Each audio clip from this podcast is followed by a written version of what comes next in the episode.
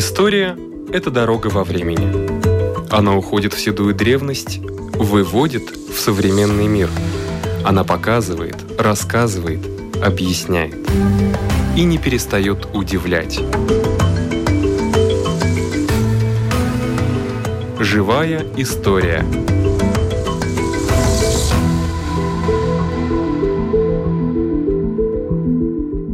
У микрофона Лидия Чера.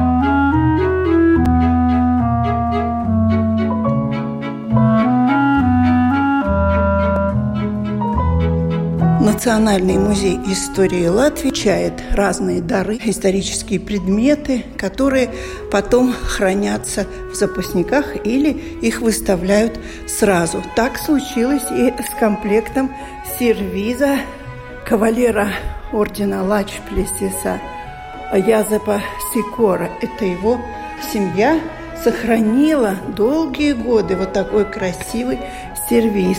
Заместитель директора музея Анита Мейнарте. Да, действительно, я думаю, что нет более радостного дня в жизни музея, когда музей получает пожертвования как дарственные, очень ценные исторические предметы. Это было буквально пару недель назад, когда семья воина армии Латвии подарила нам сервис действительно с символикой ордена Лашплесиса и другие его мемориальные предметы. И как бы вот этот ценный подарок, вообще у нас полного сервиза не было. Это для 12 персон, чайный сервиз. У нас были только отдельные предметы.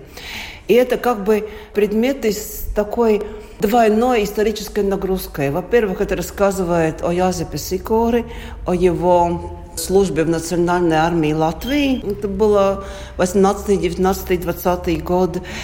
И второе, после оккупации Латвии семья, вернее жена Язеп Сикори, Кристина, очень аккуратно все это упаковала и спрятала в сарайчике, зарыла в землю под грудой дрова и обломки. Да. И это хранилось до начала 90-х годов, когда Латвия получила независимость. Это все было как бы заново найдено. Очень долго хранилось в семье. И семья, кстати, очень гордится это очень патриотическая семья, она очень гордится своим предком Языпом Сикорой. Но и все-таки Инта Сикора. Я думаю, вся семья приняла решение подарить э, вот эти очень ценные исторические вещи для музея. Ведь это сохраняется для намного, я не знаю, даже тысячелетия это как бы передается не только музею, это передается обществу Латвии, которое теперь может ознакомиться кстати, посмотреть до середины февраля у нас, и потом уже в других постоянных экспозициях. Скажите, а можно узнать что-то более конкретное о жизни Сикоры? Да, у него э, может быть для Латвии, не скажем, что необычная фамилия, но он происходит из польской семьи, хотя угу. он родился в Райскумс, это Видземе, да. ну, женился на латышской девушке Кристины. Он эм, работал на железной дороге, жил также в Киеве, потом призывался в армии царской России на военную службу. И потом уже после провозглашения независимости Латвии он вступил в национальные военные силы, то есть национальной армии Латвии. Но во время Первой мировой войны он также принял участие, он был награжден Георгиевским крестом и третьей и четвертой степени.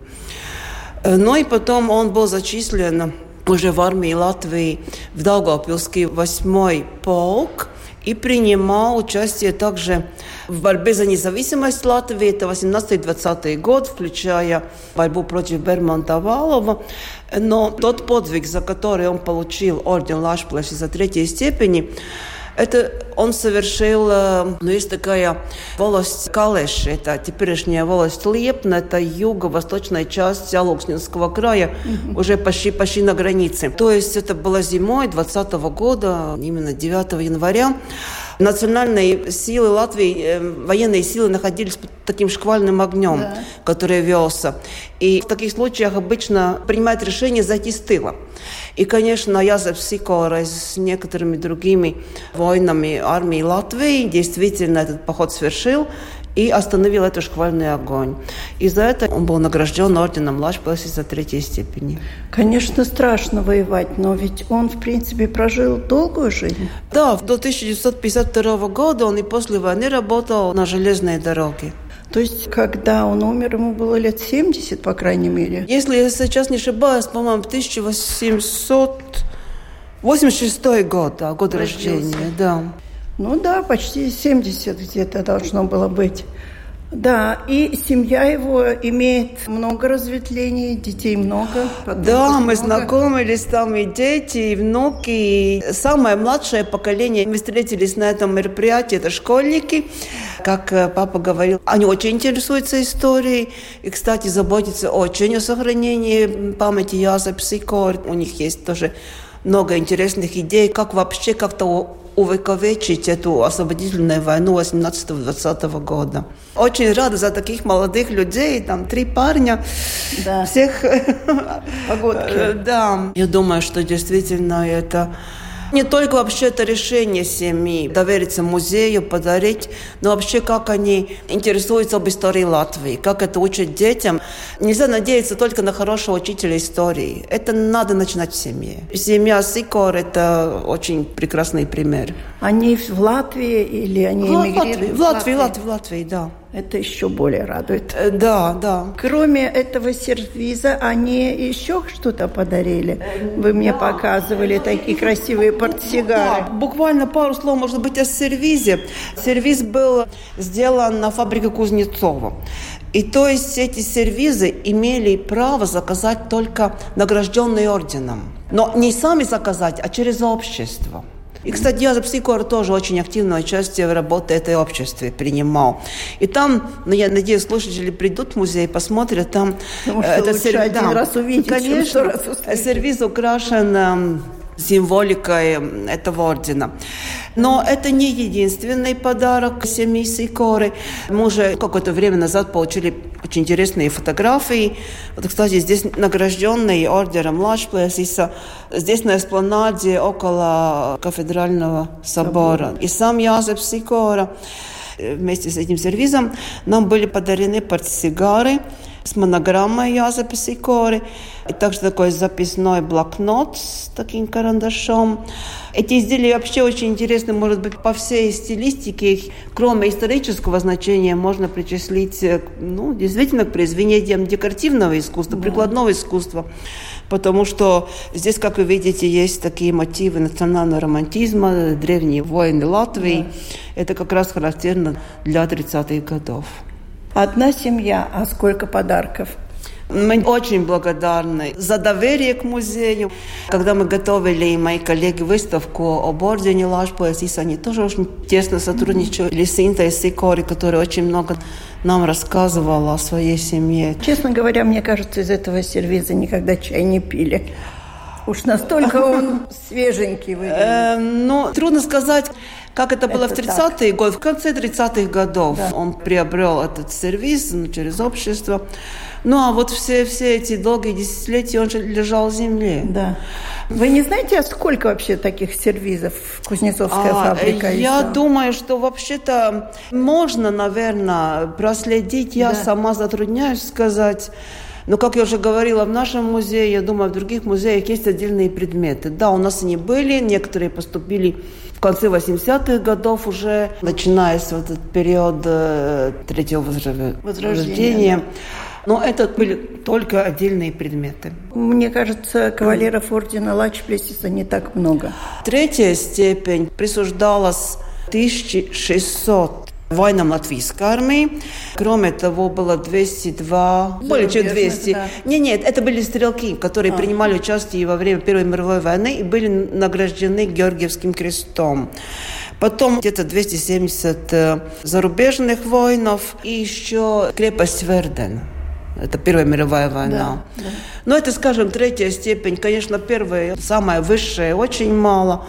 Это 11, по-моему, да. и 4 очень высокопоставленные воинские лица, ну, включая генерал Янс Балодис. Кстати, первая – это степень Вообще весь комплект, и третья, вторая, третья степень, которым был награжден генерал Баловец, хранится в нашем музее.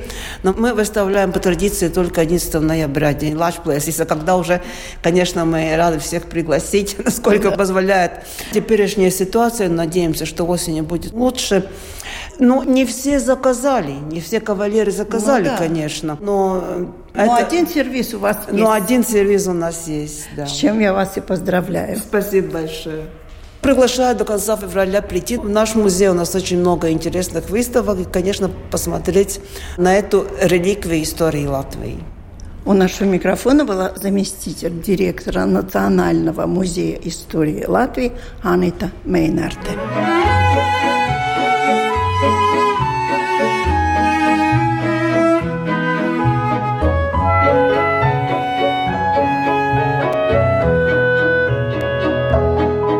Mūsu mērķis šajā izstādē Krāsainā Latvija bija atainot tās krāsu fotogrāfijas, kas ir no visagrīnākā posma, tas ir no 20. gadsimta pirmās puses.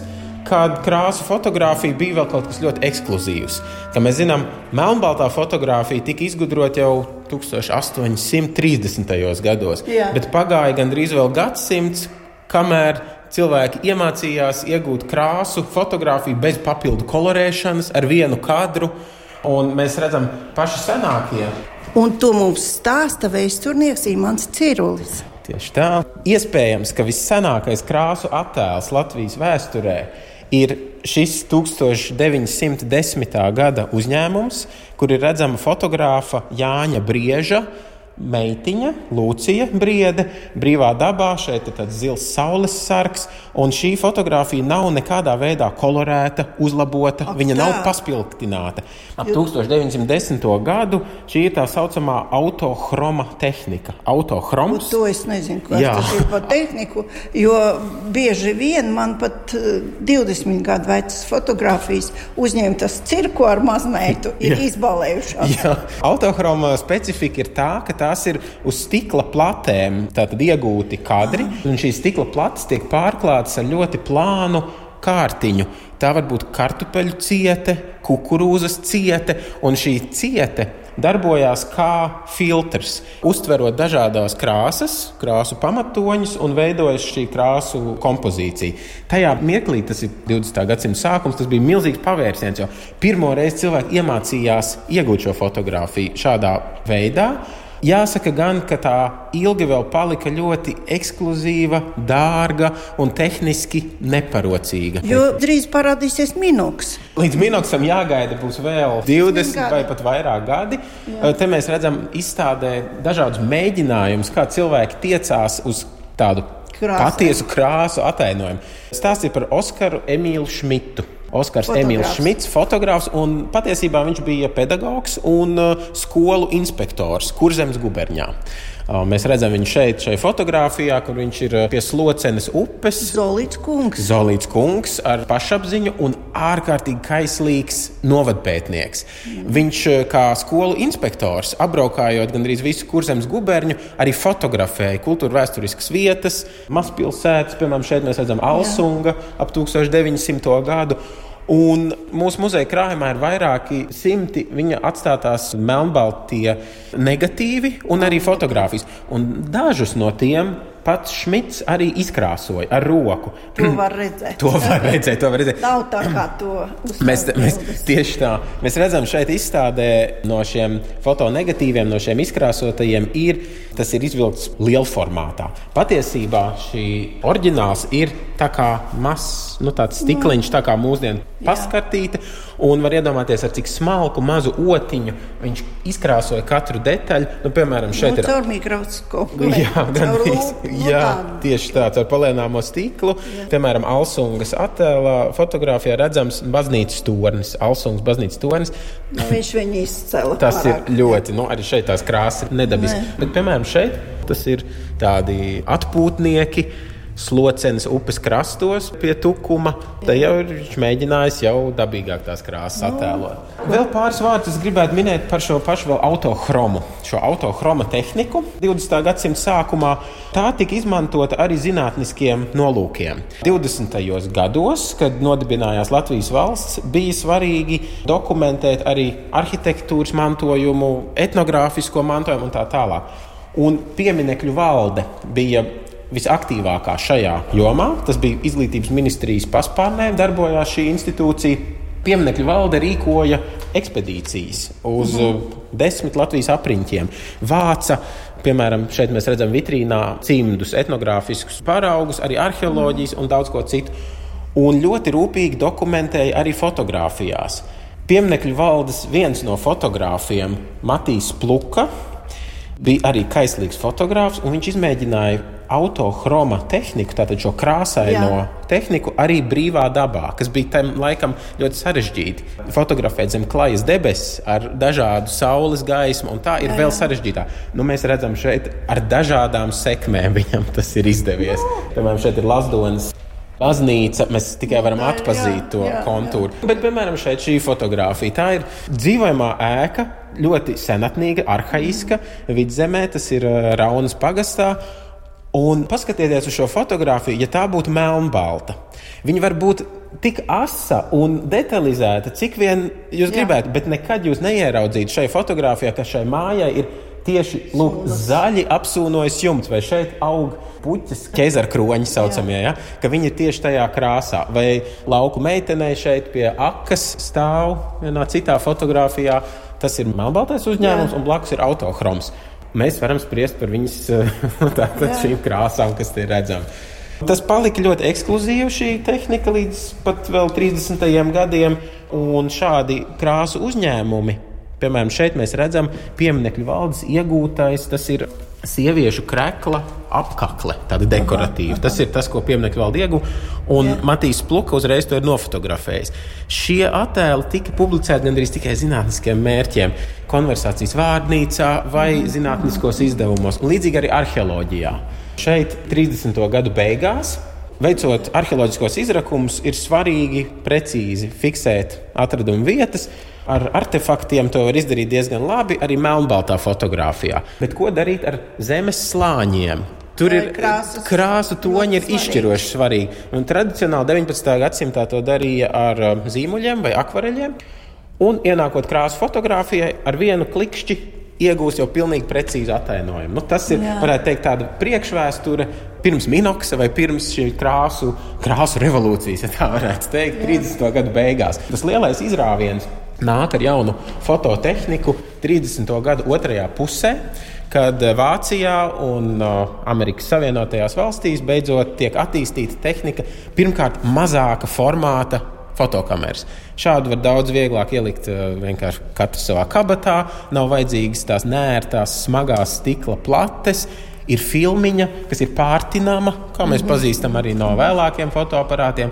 Un uh, arī palielinās to cilvēku skaits, kuri var brīvā laikā ar to nodarboties. Bet katrs fotogrāfs vēl pats drukāja savus bildītas. Ar krāsainām fotografijām, protams, ir tehniski sarežģīti, ka tajā brīdī tas vēl nebija tik, vai pat gandrīz neiespējami. Un jāsaka arī, ka tas bija pirmkārt tehnoloģiski vēl tāds sasniegums, mm. un otrkārt arī ļoti dārgs. Ja šāda fotokamera teiksim, vispopulārākās tajā laikā bija vācu ražojumi, tad Velta Gukī, Ceļš, Ikon un citi šie modeļi. Viņi maksāja ap 300 latiem, un tas bija viena ļoti labi atalgota ierēģiņa, tas jau bija vairāk nekā viņa mēneša alga. Vai, ja tu biji strādnieks rūpnīcā vai laukos, tad tev bija trīs vai pat piecas mēneša algas jāiztērē vienai šādai fotokamerai. Citiem vārdiem, tas bija kaut kas tik ekskluzīvs, Līdz ar to fotoattēli, kas mums ir no 30. gadiem, tad mēs redzam, izstādē vesela Jā. tāda siena, tie ir unikāli, jo viņi ir skaitā ļoti maz no šiem gadiem. Un mēs redzam, ka pirmskara ainas, kā jūs jau iepriekš redzējāt, šeit Jēlgavas tirgus laukumā. Man un citiem kolēģiem, kas veido šo izstādi, ļoti patīk šī Jēlgavas tirgus aina. Tas ir 30. gadu beigās. Jēlgava, kur Otrajā pasaules karā gāja bojā, visas šīs ēkas ir uh, zudušas, nekas no šī vairs nav. Mm -hmm. Un vēl kurš gan to ir redzējis mūsdienās, un pie tam vēl krāsās? Tas ir kaut kāds tāds. Um, Brīvības pieminiekts, ar kuru vēl gāja trolēļus.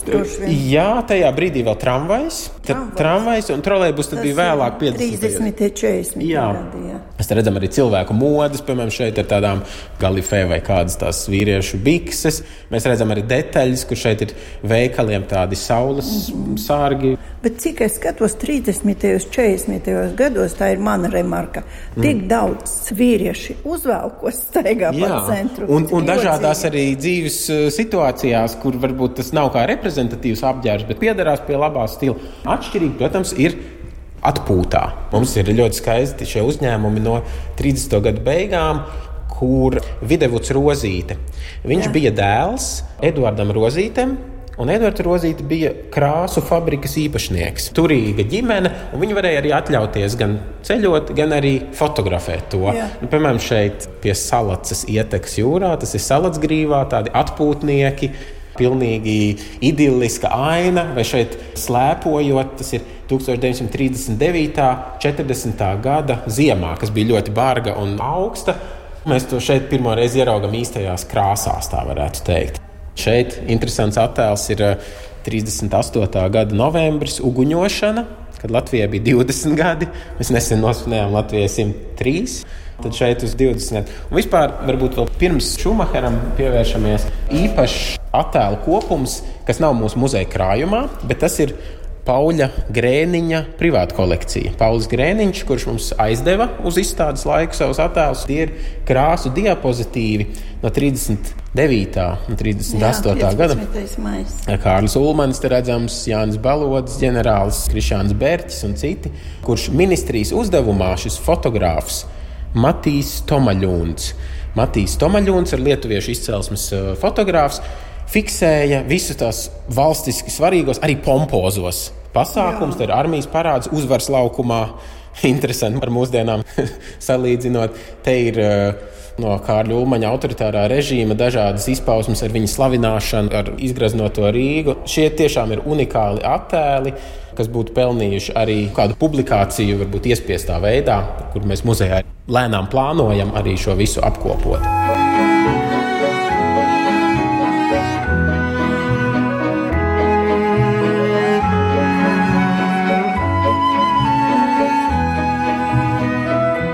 Сейчас мы перейдем к разговору о фотографе, фамилия которого известна всему миру. Но у нас, оказывается, в Латвии тоже был Александр Шумахер, фотограф. О нем расскажет историк Национального музея истории Латвии Иманс Цирулис. Так что это за Šumacher, nаш latviešu. Aleksandrs Šumachers tiešām ir īpašs vārds Latvijas fotovēsturē un arī Latvijas kino vēsturē. Viņa biogrāfija ir apbrīnojami raiba. Viņš ir dzimis Liepājā 1901. gadā, bet jau bērnībā, sešu gadu vecumā, viņš pārcēlās ar ģimeni uz Rostovu pie Donas, uz Krieviju. Un arī tur, Rostovā, viņš pabeidza gimnāziju 1918. gadā, kad jau plosījās Krievijas pilsoņu karš. Izvēlējās palikt tur, un uzreiz uzsāka savas profesionālās darba gaitas Rostovas dramatiskajā teātrī. Un vienlaikus, kā, aktieris, jā, un tas kļuva par viņa mūža aicinājumu, bija foto un kino tehniķis. Šāds arots Viņš sāk strādāt no 1920. gada Rostovas filmu sabiedrībā Rusis par operatoru palīgu. Un šis jau iezīmēja visu viņa līdz pat mūža noslēgumam, viņa lielo aicinājumu. Viņš bija arī kino laboratorijā Renesanse operators un tā tad iesāka šīs darba gaitas. Pāris gadus vēlāk jau seko pirmais, vai sacīt, nākamais lielais satricinājums viņa dzīvē. Viņu apcietina 1924. gadā. Un politisko iemeslu dēļ viņu iesloga nu, Čeka, vai kas tajā brīdī saucās OGPU, valsts apvienotā politiskā pārvalde, iesloga bēdīgi slavenajā Čekas cietumā, kas bija Baltajā jūrā, tās Solovku salā, Solovetskī lāgeri, kur viņš pavadīja gandrīz divus gadus līdz 1920. Par ko nav zināms? To mēs Varam nezinām minēt, tik precīzi. Un nākamais pagrieziens, kas varbūt arī viņu atšķir no daudziem citiem tā laika sacīt, bēdu brāļiem, kas bija varbūt citiem ieslodzītajiem, 1927. gadā ieslodzīto apmaiņas ceļā viņam izdodas atgriezties Latvijā. Viņš tad atkal ir uz brīvām kājām, viņš apmetās Rīgā. Un uzreiz turpina darboties savā profesionālajā jomā, filmu laboratorijā Standard, kas piederēja Jānim Doredam tajā laikā, Vecrīgā. Viņš kļūst par tehnisko vadītāju šajā filmu laboratorijā. Un 20. un 30. gados Šumahers filmē dažādus dokumentālus kadrus, sižetus. Viņš ir arī lektors, uzstājās ar lekcijām kino mehāniķu kursos, un arī ir operators vēl citā filmu sabiedrībā Latvijas-Kino. Nu, tāda aktīva, rosīga kino operatora un tehniķa darbība 30. gados. Mm -hmm. Un um, interesanti, ka politiskās pārmaiņas, kas 40. gados Latvijai veļās pāri kā lavīna viena pēc otras, ka Šumahers arī tās piedzīvo savas profesionālās darba ietvaros, ka pirmajā padomju okupācijas gadā, tas ir 40. un 41. gadā, Rīgas mākslas filmu studijā tiek pabeigta mākslas filma Kaugurieši. Kas ir iesākta jau filmēt iepriekš, bet padomju laikā, šajā 41. gadā, to pabeidz mazliet ideoloģiski pielāgojot, nu, tātad uzsverot revolucionāro vai darba zemnieku revolucionāro cīņu pret mužniekiem. Šajā filmā Kaugurieši, ko jūs varat arī noskatīties internetā, Šumahers piedalās kā viens no veidotājiem. Nākamais lielais pagrieziens, ko mēs redzam šeit arī izstādē ar šiem diezgan dramatiskajiem kadriem, ir sagrautā vecrīga, nacistu uzbrukums 41. gadā. Um, uz šī traģiskā fona Aleksandrs Šumahers šajos gados sāk strādāt fotokino piedarumu veikalā, kas pieder Arnoldam Cālītim. Un Arnolds Cālīts ir vēl viens liels uh, fotografijas vēsturē ļoti būtisks vārds. Un Cālīša fotokino veikals atradās tepat um, Brīvības un Raņa būvāra krustojumā. Jeb nacistu laikā Adolfa Hitlera iela un Alfreda Rozenberga gatve. Veikals bija tieši tepat uz stūra, kur mūsdienās ir banka, tepat pie Luksafora. Aha, aha. Šeit fotografē, piemēram, mēs redzam, kur Aleksandrs Šumahers ir iznācis ārā no šīs darbnīcas un 43. gadā visticamāk nofotografējis ainu, kur brauc arī vācu karavīri un tāda kara laika ikdiena. Vācu okupācijas laiks Šumaheru kurš iepriekš teiksim, ir bijis Krievijā, piedzīvojis padomju represijas, viņu aizdzen otrā virzienā, tagad uz Vāciju. Bet tas bija profesionālo iemeslu dēļ. 44. gadā Šumacheru kopā ar ģimeni pārcēla, varētu teikt, darbā uz Vāciju, Jā. uz Bitterfeldi, Wolfeni, kur atradās milzīgā akfa fotopiedaruma rūpnīca, un uh, tur viņš strādā savā jomā. Interesanti ir tas, ka tad, kad 45. Uh, gadā ienāk arī Bitterfeldē padomju armija, ka viņš pāris mēnešus, vai varbūt pat ilgāk, līdz 46. gadam paliek tur. Un turpina arī fotografēt, piemēram, sarkanās armijas virsniekus vai citus piedarīgos tur, kā viņi tajā vācu pilsētā, tur ar Staļina plakātiem un līdzīgi. 46. gadā viņi atgriežas Latvijā. Un diezgan loģiski viņš turpina darbu savā jomā. Nu, viņš Slavenē. jau gados, ja? Viņam tajā brīdī 45 gadi. Brieduma. Tieši tā, brieduma Vecums. gados, brieduma vecumā. Un viņš atsāk darbu Rīgas kino studijā. Aha. Viņš ir eh, savā nozarē operators un vēlāk jau kļūst par uzņemšanas tehnikas ceha priekšnieku. Nu, tad arī organizatoriski koordinē atbild par. Bet cik es saprotu, viņa galvenais nopelns, ka viņš ir norganizējis visus fotogrāfus. Viņš foto jomā darbojās aktīvi. Nu, laikam tas maizes darbs, tas Jā. bija saistīts ar, ar, ar kino jomu un paralēli arī šīs krāsu fotografijas, kas tajā laikā, kā jau minēts, nebija tas vispelnošākais ieņēmuma avots. Dārgs, jā. pārāk dārgs un arī sarežģīts. Lai vēl pakavētos pie kara laika, izstādē redzamas vairākas viņa uzņemtās fotogrāfijas. Nu, piemēram, šeit jau minētā tāda civilā aina pie brīvības pieminiekļa. Mēs redzam arī vienu jaunu vīrieti vācu Luftwaffes gaisa spēku formas tērpā. Mēs redzam šeit Šumahera meitu Dagmāru kopā ar savu draugu Olgu, kas ir tajā brīdī, 44. gadā, viņa ģimenes dārzā, Pārdaugavā. Dārtas ielā, tagad tā ir Edvards Smilģa iela. Nu, mēs redzam, visapkārt plosās karš. Cilvēki zaudē dzīvību, veselību, tiek aizdzīti svešumā. Un tajās krāsu fotografijās, kas šeit tik spilgti un tik, nu, šķiet tādi it kā prieka mirkļi, par spīti tam traģiskajam fonam, cilvēki tomēr vēlas mazliet arī tos jaukākos mirkļus iemūžināt kaut kā. Un, um, turpinot par Šumacheru nākamām gaitām, 40. gada otrajā pusē Rīgas kino studijā, kā operators, noteikti daudzi ir redzējuši tās pirmās pēckara filmas, kas ir māju ar uzvaru. Tāda, protams, propagandas garā veidota, tā kā mēs to zinām no Staļina laika. Arī mākslas filma Rainis. Aha. 49. gadā visās šajās filmās Šumahers ir pielicis ļoti būtiski savu roku.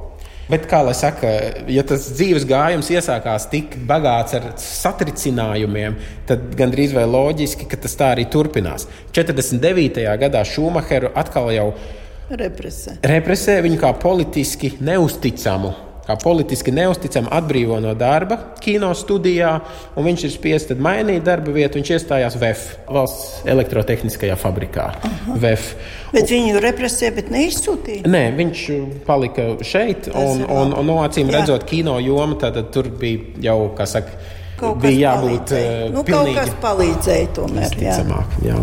Bet arī strādājot VFā, Šumahers seko savam profesionālajam aicinājumam, un uh, tur viņš nodibina 56.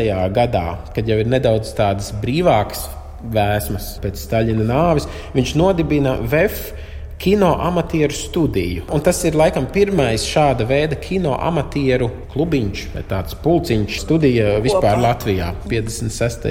gadā. Nu, tad šis darbīgais mūžs Aleksandram Šumacheram noslēdzās 1970. gadā. Un viņš apglabāts šeit pat Rīgā. Varētu teikt, šāds ļoti darbīgs, dramatiskiem satricinājumiem bagāts mūžs. Un Šumahera ieguldījums tiešām ir uh, paliekošs. Mūsu muzejā ir nonākuši vairākas šīs minētās krāsu fotografijas, krāsu diapozitīvi. Arī Rīgas kino muzejā ir par Šumacheru bagātīgs mantojums. Es ceru arī, ka turpmākajos pētījumos mēs pievērsīsim daudz vairāk uzmanību šādam vienai izcilai personībai. О личности Александра Шумахера рассказывал историк Национального музея истории Латвии Имац Цирулис. На этом наша передача заканчивается. Всего вам доброго!